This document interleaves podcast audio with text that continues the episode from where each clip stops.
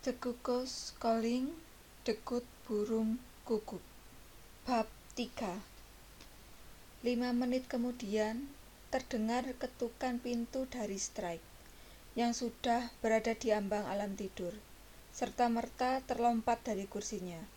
Maaf, alam bawah sadarnya sudah terjalin dengan Charlotte lagi. Sungguh mengejutkan melihat seorang gadis asing masuk ke ruangan. Gadis itu telah melepas mantelnya, memperlihatkan sweater berwarna krem yang berpotongan pas badan, bahkan sedikit menggoda. Strike mengarahkan tatapannya ke garis rambut gadis itu. Ya, ada klien datang menemui Anda. Boleh dipersilahkan masuk?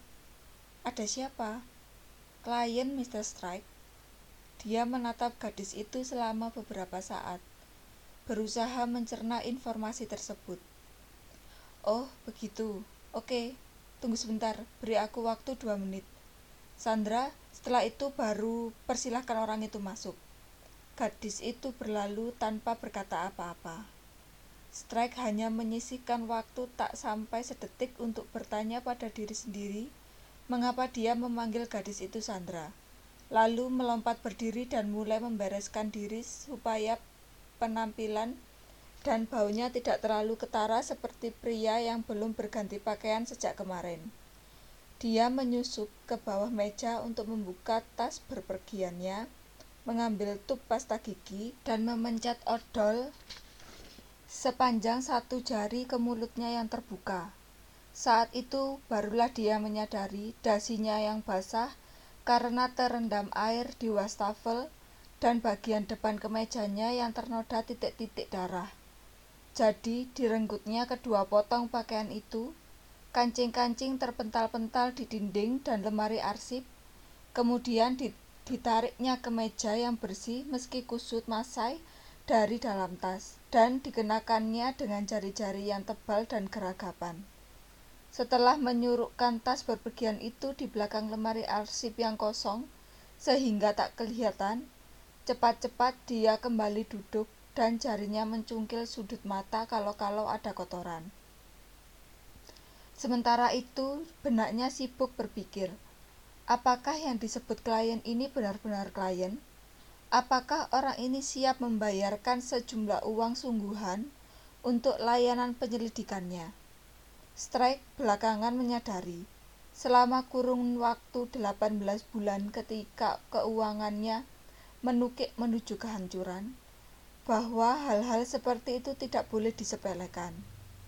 Dia masih mengejar dua klien yang belum membayar penuh tagihan mereka. Yang ketiga tidak bersedia membayar sepeser pun karena penemuan strike tidak memenuhi seleranya.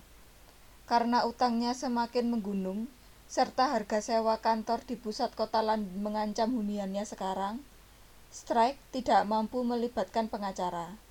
Metode-metode penagihan utang yang kasar dan keras menjadi bahan utama fantasinya akhir-akhir ini. Sungguh memuaskan kalau dia bisa melihat para penunggaknya yang paling sombong menciut di bawah bayang-bayang tongkat pemukul bisbol. Pintu terbuka lagi. Strike segera mencabut telunjuknya dari lubang hidung dan duduk tegak berusaha menampilkan mimik cerah dan awas di atas kursinya. Mr. Strike, ini Mr. Bristow. Calon kalian itu mengikuti Robin masuk ke ruangan. Kesan yang langsung tertangkap cukup menyenangkan.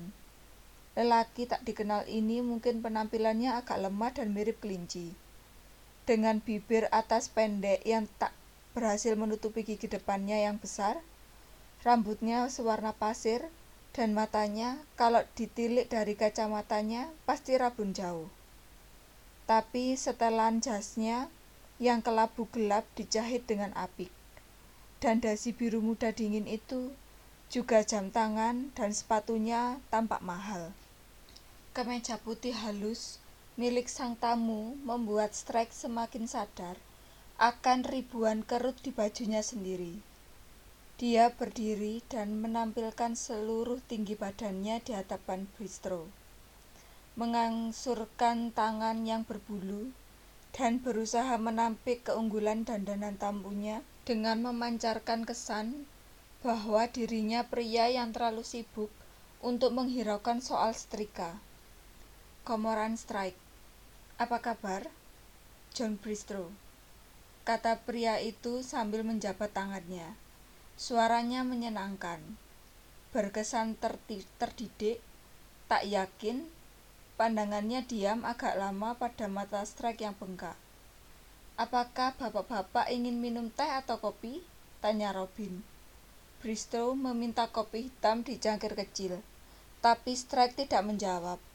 Tatapannya baru saja menangkap seorang wanita muda beralis tebal yang mengenakan setelan tweed kedodoran duduk di sofa yang lapisannya sudah tipis di dekat pintu ruang luar. Kenyataan itu menumbuhkan harapan bahwa ada dua klien potensial yang datang pada waktu bersamaan. Tentunya tidak mungkin dia dikirimi seorang pegawai temporer lagi, bukan? Anda minum apa, Mr. Strike? Tanya Robin. Apa? Oh, kopi hitam dengan dua gula. Sandra, terima kasih. Ujarnya sebelum sempat menahan diri. Dilihatnya bibir gadis itu sedikit berkerut ketika dia menutup pintu. Dan baru pada saat itu Strike ingat bahwa dia tidak memiliki kopi, gula, maupun cangkir. Setelah dipersilahkan duduk oleh Strike, Bristow mengedarkan pandang ke sekeliling kantor yang lusuh itu dengan tatapan yang menurut Strike mengandung kekecewaan. Calon klien ini terlihat gugup dan merasa bersalah. Ekspresi yang diasosiasikan Strike dengan para suami yang curiga, tapi ada kesan berwibawa dalam diri Bristow. Yang terutama disampaikan oleh setelannya yang mahal. Strike bertanya-tanya bagaimana Bristow bisa menemukan dirinya. Sulit mengandalkan promosi dari mulut ke mulut ketika klien satu-satunya tidak mempunyai teman seperti yang dikatakan wanita itu sambil tersak-isak di telepon. Apa yang bisa saya lakukan untuk Anda, Mr. Bristow? Tanya Strike sambil kembali bersandar di kursinya. Begini, hmm, sebenarnya saya ingin memastikan dulu. Saya rasa kita pernah bertemu sebelum ini. Oh ya? Anda tidak akan ingat pada saya karena sudah bertahun-tahun yang lalu. Tapi saya rasa Anda dulu teman baik adik saya. Charlie, Charlie Bristow, dia meninggal dalam suatu kecelakaan ketika usianya 9 tahun. Demi Tuhan, ujar Strike. Charlie, ya saya saya ingat. Memang benar, dia ingat jelas sekali. Charlie Bristow salah satu teman yang dikumpulkan Strike selama masa kecilnya yang rumit dan nomaden. Charlie bocah yang sangat menarik, liar, dan bandel. Pemimpin geng paling keren di sekolah baru Strike di London. Charlie hanya perlu melihat si anak baru berbadan besar dengan aksen Cornwall kental itu dan langsung diangkatnya Strike sebagai teman baru sekaligus letnannya. Selama dua bulan yang penuh semangat, mereka menumbuhkan persahabatan dan kelakuan nakal. Strike yang terlalu terpikat dengan rumah tangga anak-anak lain, dengan keluarga yang waras, dan kamar tidur tetap yang ditempati selama bertahun-tahun, menyimpan kenangan yang jernih akan rumah Charlie yang besar dan mewah. Ada lahan berumput yang panjang dan disinari matahari rumah pohon, dan es soda lemon yang disajikan Ibu Charlie. Kemudian datanglah kengerian tak terbayangkan pada hari pertama masuk sekolah setelah libur Paskah. Ketika guru wali kelas mereka memberitahu bahwa Charlie tidak akan kembali. Bahwa dia telah meninggal karena sepeda yang dikendarinya melewati tepi jurang bekas tambang yang dalam ketika berlibur di Wales. Guru mereka itu wanita tua yang kejam dan tak mampu menahan diri memberitahu seluruh kelas bahwa Charlie, seperti yang mereka semua ingat, sering kali tidak mematuhi perintah padahal dia telah jelas-jelas dilarang bersepeda di dekat-dekat jurang itu. Tapi tetap saja dia melakukannya. Mungkin untuk pamer. Namun, si guru terpaksa menghentikan peringatannya karena dua anak perempuan yang duduk di baris depan mulai menangis. Sejak hari itu, Strike seperti melihat wajah tertawa bocah berambut pirang setiap kali dia melihat atau bahkan sekedar membayangkan jurang bekas tambang. Dia tidak heran apabila setiap anak di kelas Charlie Bristow juga menyimpan kengerian yang sama tentang palung yang besar dan gelap. Kedalamannya yang tak terkatakan serta batu-batunya yang tanpa ampun. Ya, saya ingat Charlie, ujarnya. Jakun Bristow berkedut-kedut. Ya, well, semua karena nama Anda. Saya ingat betul Charlie sering membicarakan Anda selama liburan itu. Pada hari-hari sebelum dia meninggal. Temanku Strike, Komoran Strike. Begitu katanya. Nama yang tak biasa bukan? Dari manakah nama Strike itu? Apakah Anda tahu? Saya tidak pernah menjumpai nama itu di tempat lain. Strike tahu Bristow bukan orang pertama yang menyambar topik penunda cuaca, denda lalu lintas, pilihan minuman panas kesukaan, demi menangguhkan pembicaraan apa pun yang telah membawa mereka datang ke kantornya. Saya diberitahu itu ada hubungannya dengan jagung. Jawab Strike. Soal mengukur jagung, benarkah? Tidak ada kaitannya dengan pemukulan atau pemogokan. Hah, tidak ya. Jadi begini. Saya mencari orang yang dapat membantu saya dalam suatu urusan. Dan saya melihat nama Anda di buku telepon. Lutut Bristo mulai memantul-mantul.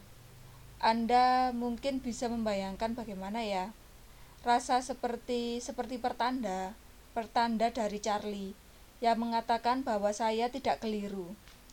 Jakunnya bergerak-gerak lagi ketika dia menelan. Oke, cetus Strike dengan hati-hati. Berharap orang ini tidak menganggap dia sebagai perantara ke dunia lain. Ini tentang adik perempuan saya, kata Bristow. Begitu. Apakah dia terlibat masalah? Dia sudah meninggal. Strike berhasil menahan diri untuk tidak mengatakan, Loh, dia juga. Saya ber, saya turut berduka ujarnya dengan berhati-hati. Bristo menerima ucapan belang, belang sungkawa itu dengan kedikan kepala. Saya ini tidak mudah. Pertama-tama Anda harus tahu bahwa adik saya adalah Lula Landry. Harapan yang tadinya sempat dilambungkan dengan kemungkinan dia akan mendapatkan klien, perlahan-lahan turun seperti batu nisan Granit yang mendarat dengan hantaman menyiksa di ulu hati Strike. Pria yang duduk di hadapan ini penghayal berat. Kalau bukan sepenuhnya gila, mustahil ada dua kristal es yang identik. Sama mustahil dengan kenyataan bahwa pria pucat pasi seperti kelinci ini berasal dari gen yang sama dengan Lula Landry yang berkulit bak perunggu, bertubuh kencang, dengan kecantikan bagaikan irisan berlian sempurna. Orang tua kami mengadopsi dia. Bristo berkata lemah, seolah-olah dia tahu apa yang dipikirkan Strike. Kami semua diadopsi. Begitu, gumam Strike. Dia memiliki daya ingat yang akurat, sewaktu membayangkan rumah yang besar, sejuk, dan rapi beserta tanamannya yang luas itu, dia teringat seorang ibu yang luwes dan berambut pirang menguasai meja piknik. Seorang ayah yang mengintimidatif dengan suaranya yang lantang dan jauh. Kakak laki-laki bertampang masam yang hanya menusuk-nusuk kue buahnya, serta Charlie yang melawak dan membuat ibunya tertawa. Tapi tidak ada anak perempuan yang lebih kecil. Anda pasti tidak pernah bertemu dengan Lula. Lanjut Bristow. Lagi-lagi seperti mendengar Strike menyuarakan isi pikirannya. Orang tua saya baru mengadopsi dia setelah Charlie meninggal. Lula berumur empat tahun ketika datang ke keluarga kami. Selama beberapa tahun sebelumnya, dia dirawat dinas sosial. Umur saya hampir 15. Saya masih ingat berdiri di pintu depan dan melihat ayah saya menggendong dia di jalan masuk mobil. Lula mengenakan topi rajut kecil warna merah Ibu saya masih menyimpan topi itu. Lalu dengan tiba-tiba dengan mengejutkan tangis John Bristow pecah. Dia terisak-isak sambil menutupi mulut dengan tangan. Pundaknya membungkuk, terseduh sedan, sementara air mata dan ingus mengalir di antara jari-jarinya. Setiap kali dia hampir dapat mengendalikan diri, sekejap kemudian isakannya pecah lagi. Maafkan saya. Maaf, ya Tuhan. Sambil terengah dan cekukan, dia mengusapkan lipatan sapu tangan di kebalik kacamata. Berusaha menguasai diri. Pintu kantor terbuka dan Robin masuk sambil membawa nampan. Bristow memalingkan wajah. Pundaknya naik turun dan berguncang-guncang. Dari pintu yang terbuka, Strike sekilas melihat wanita bersetelan di ruang luar, yang sekarang merengut ke arahnya dari balik koran Daily Express. Robin menyajikan dua cangkir, wadah susu mangkok gula, dan sepiring biskuit coklat. Kesemuanya belum pernah dilihat Strike. Lalu tersenyum sopan ketika menerima ucapan terima kasih dan beranjak hendak keluar. Tunggu sebentar, Sandra, kata Strike. Bisakah kau dicabutnya secari kertas dari meja dan diletakkan di atas lututnya? Sementara Bristow masih mengeluarkan suara berdengung-dengung. Strike menulis dengan cepat, sejelas yang bisa dia lakukan. Tolong Lula Laundry dan cari tahu apakah dia diadopsi. Dan kalau iya, oleh siapa? Jangan bicarakan yang kau lakukan ini dengan wanita yang di luar. Apa yang dilakukannya di sini? Tulis jawaban pertanyaan di atas di bawah dan bawa kepadaku, tanpa menyebutkan apa yang telah kau temukan.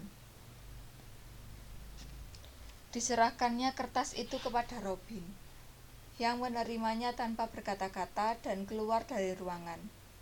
Maaf, maaf sekali, kata Bristow sambil tersengal. Ketika pintu sudah tertutup ini saya tidak biasanya.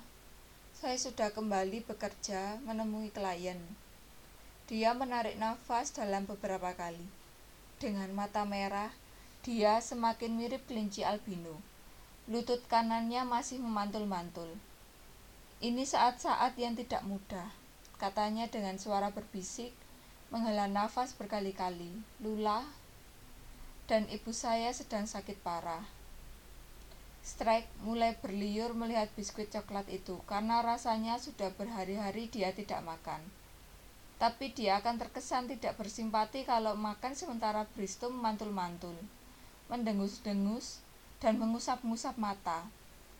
Bor masih bertalu-talu seperti senapan mesin di jalanan di bawah.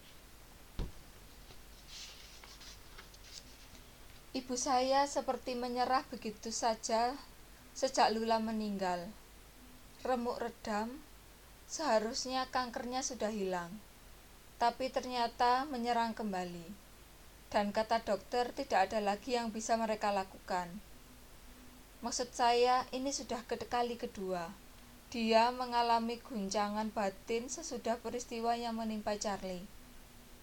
Ayah saya mengira kedatangan seorang anak akan membuatnya lebih baik. Mereka selalu menginginkan anak perempuan. Tak mudah mengurus permohonannya, tapi Lula berdarah campuran. Jadi lebih sulit ditempatkan. Gitulah. Dia menyudahi sambil menahan isakan.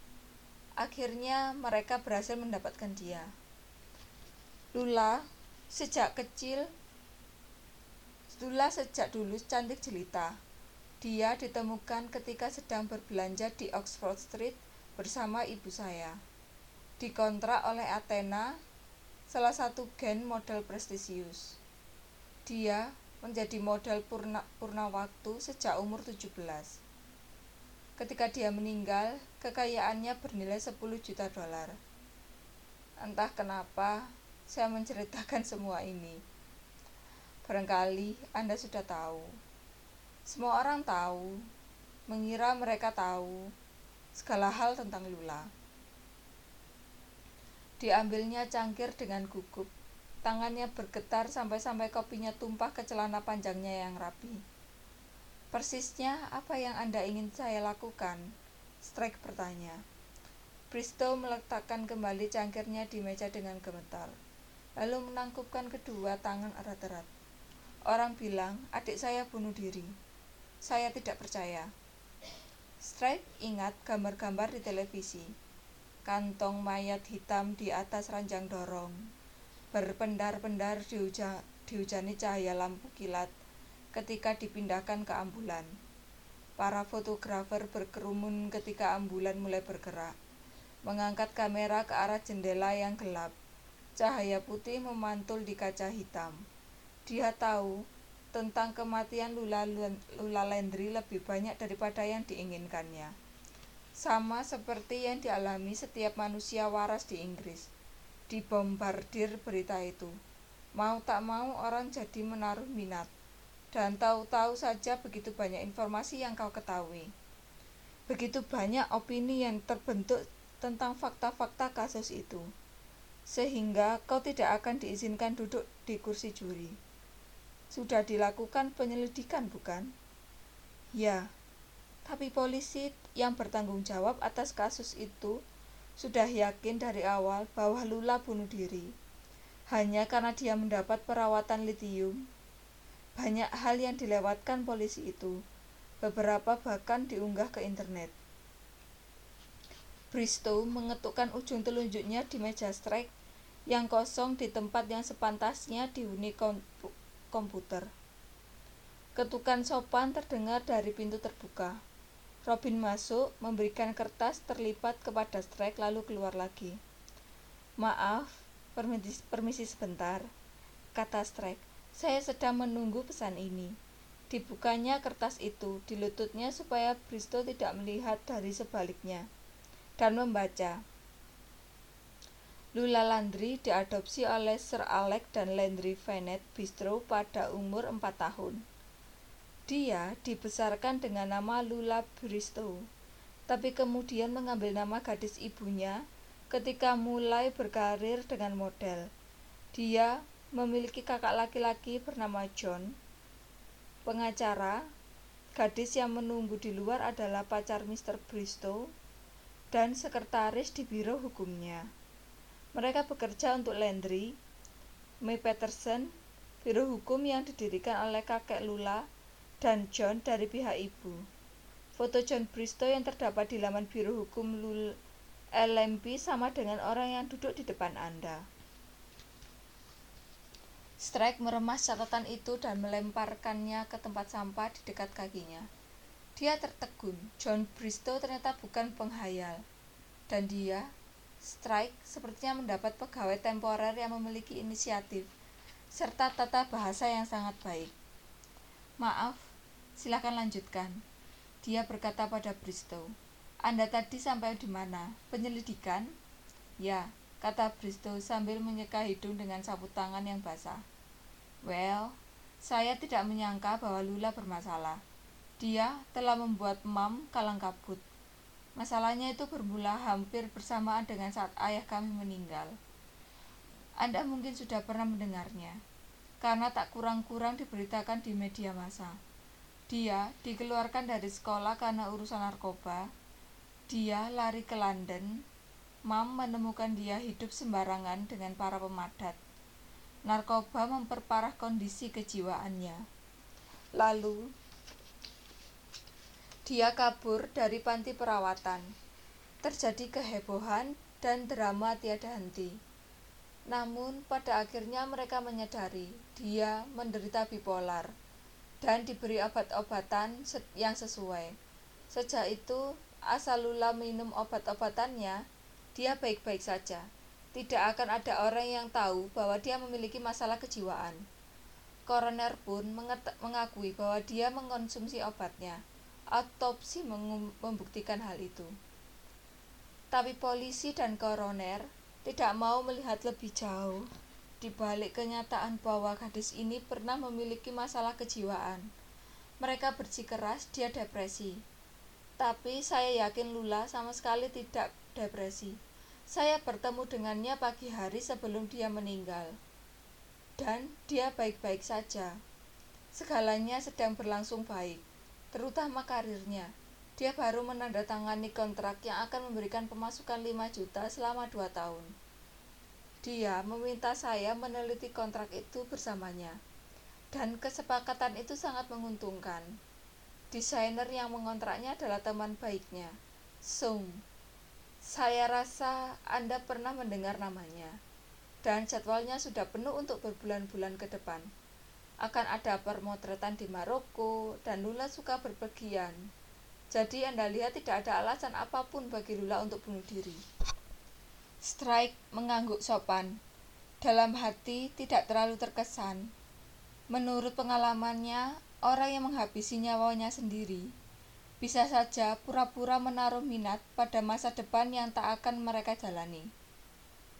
Suasana hati Landry yang cerah berbunga-bunga pada pagi hari bisa saja berubah gelap dan tanpa harapan seiring berjalannya hari dan separuh malam menjelang kematiannya.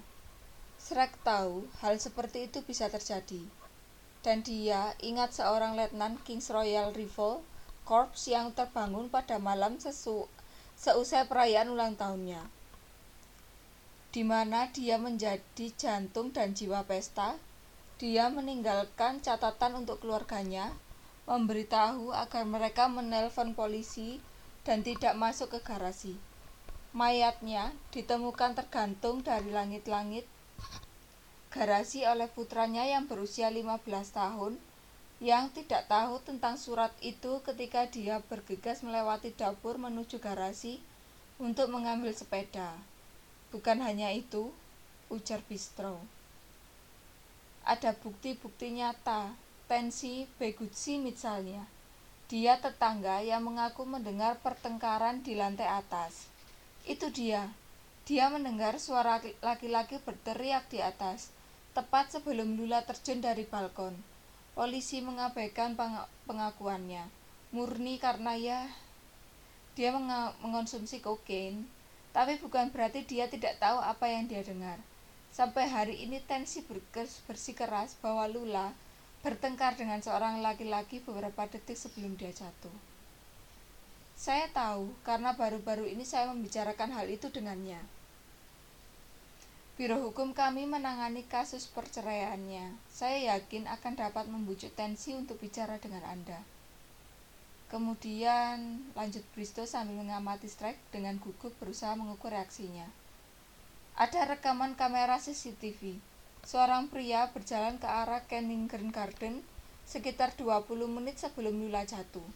Lalu ada rekaman lagi yang menunjukkan pria yang sama berlari tunggang langgang dari Kensington Garden setelah Lula jatuh. Polisi tidak pernah tahu siapa orang itu dan tidak berhasil melacaknya. Dengan kesungguhan dan gelisah, Bristow kini mengeluarkan sepucuk amplop yang sedikit kusut dari saku jasnya yang dan mengacukannya. Saya sudah menuliskan semuanya, waktu, dan segalanya. Semua ada di sini. Anda akan lihat sendiri bagaimana semua itu sesuai. Kemunculan amplop itu tidak menambah keyakinan Strike akan penilaian Bristow. Sudah sering dia member, diberi bukti semacam itu. Catatan hasil obsesi tunggal dan salah arah. Rentetan pikiran mendukung teori kacamata kuda, tabel waktu rumit yang direkayasa supaya sesuai dengan kebetulan yang tak masuk akal, kelopak mata kiri si pengacara berkedut, sebelah lututnya naik turun gelisah dan jari-jarinya mengeluarkan, mengeluarkan amplop itu dengan gemetar.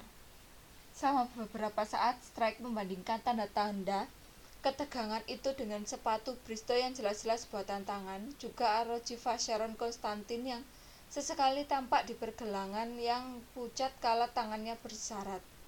Pria ini sanggup dan bersedia membayar. Barangkali mau melakukannya cukup lama sehingga memungkinkan strike melunasi satu anggaran pinjaman yang paling mendesak dari dalam barisan utangnya. Mr. Bristow, panggil aku John. John, aku akan jujur padamu. Kurasa tidak benar kalau aku menerima uangmu. Bercak-bercak merah muncul di leher Bristo yang pucat dan di wajahnya yang tak istimewa. Sementara amplop itu masih teracung di, di tangannya. Apa maksudmu tidak benar? Kematian adikmu barangkali sudah melewati penyelidikan yang paling seksama. Jutaan orang, media dari berbagai belahan dunia semua mengikuti tiap gerak-gerik polisi. Kasus ini pasti ditangani dengan lebih teliti ketimbang yang lain-lain bunuh diri memang kejadian yang sulit diterima. Aku tidak terima, aku tidak akan pernah terima. Dia mungkin bunuh, dia tidak mungkin bunuh diri. Ada orang yang mendorongnya dari balkon itu. Di luar, mesin bor mendadak berhenti, sehingga suara Bisto menggema lantang di dalam ruangan. Kemurkaannya khas seorang lelaki lemah lembut yang tak yang telah didesak hingga ke batas yang terjauh. Aku mengerti. Aku paham. Kau jenis yang itu ya. Semacam psikolog jadi-jadian. Charlie sudah mati. Ayahku sudah mati. Lula sudah mati dan sekarang ibuku sekarat. Aku sekarang kehilangan semua orang dan yang kubutuhkan adalah psikolog yang membantuku dalam masa berkabung, bukan detektif. Kau pikir aku tidak pernah mendengar ratusan kali sebelum itu? Bristow bangkit berdiri tanpa mengesankan dengan gigi kelinci. Dan kulitnya yang berbecak merah. Aku ini orang yang lumayan kaya, Strike. Maaf kalau terdengar kasar, tapi ya sudahlah.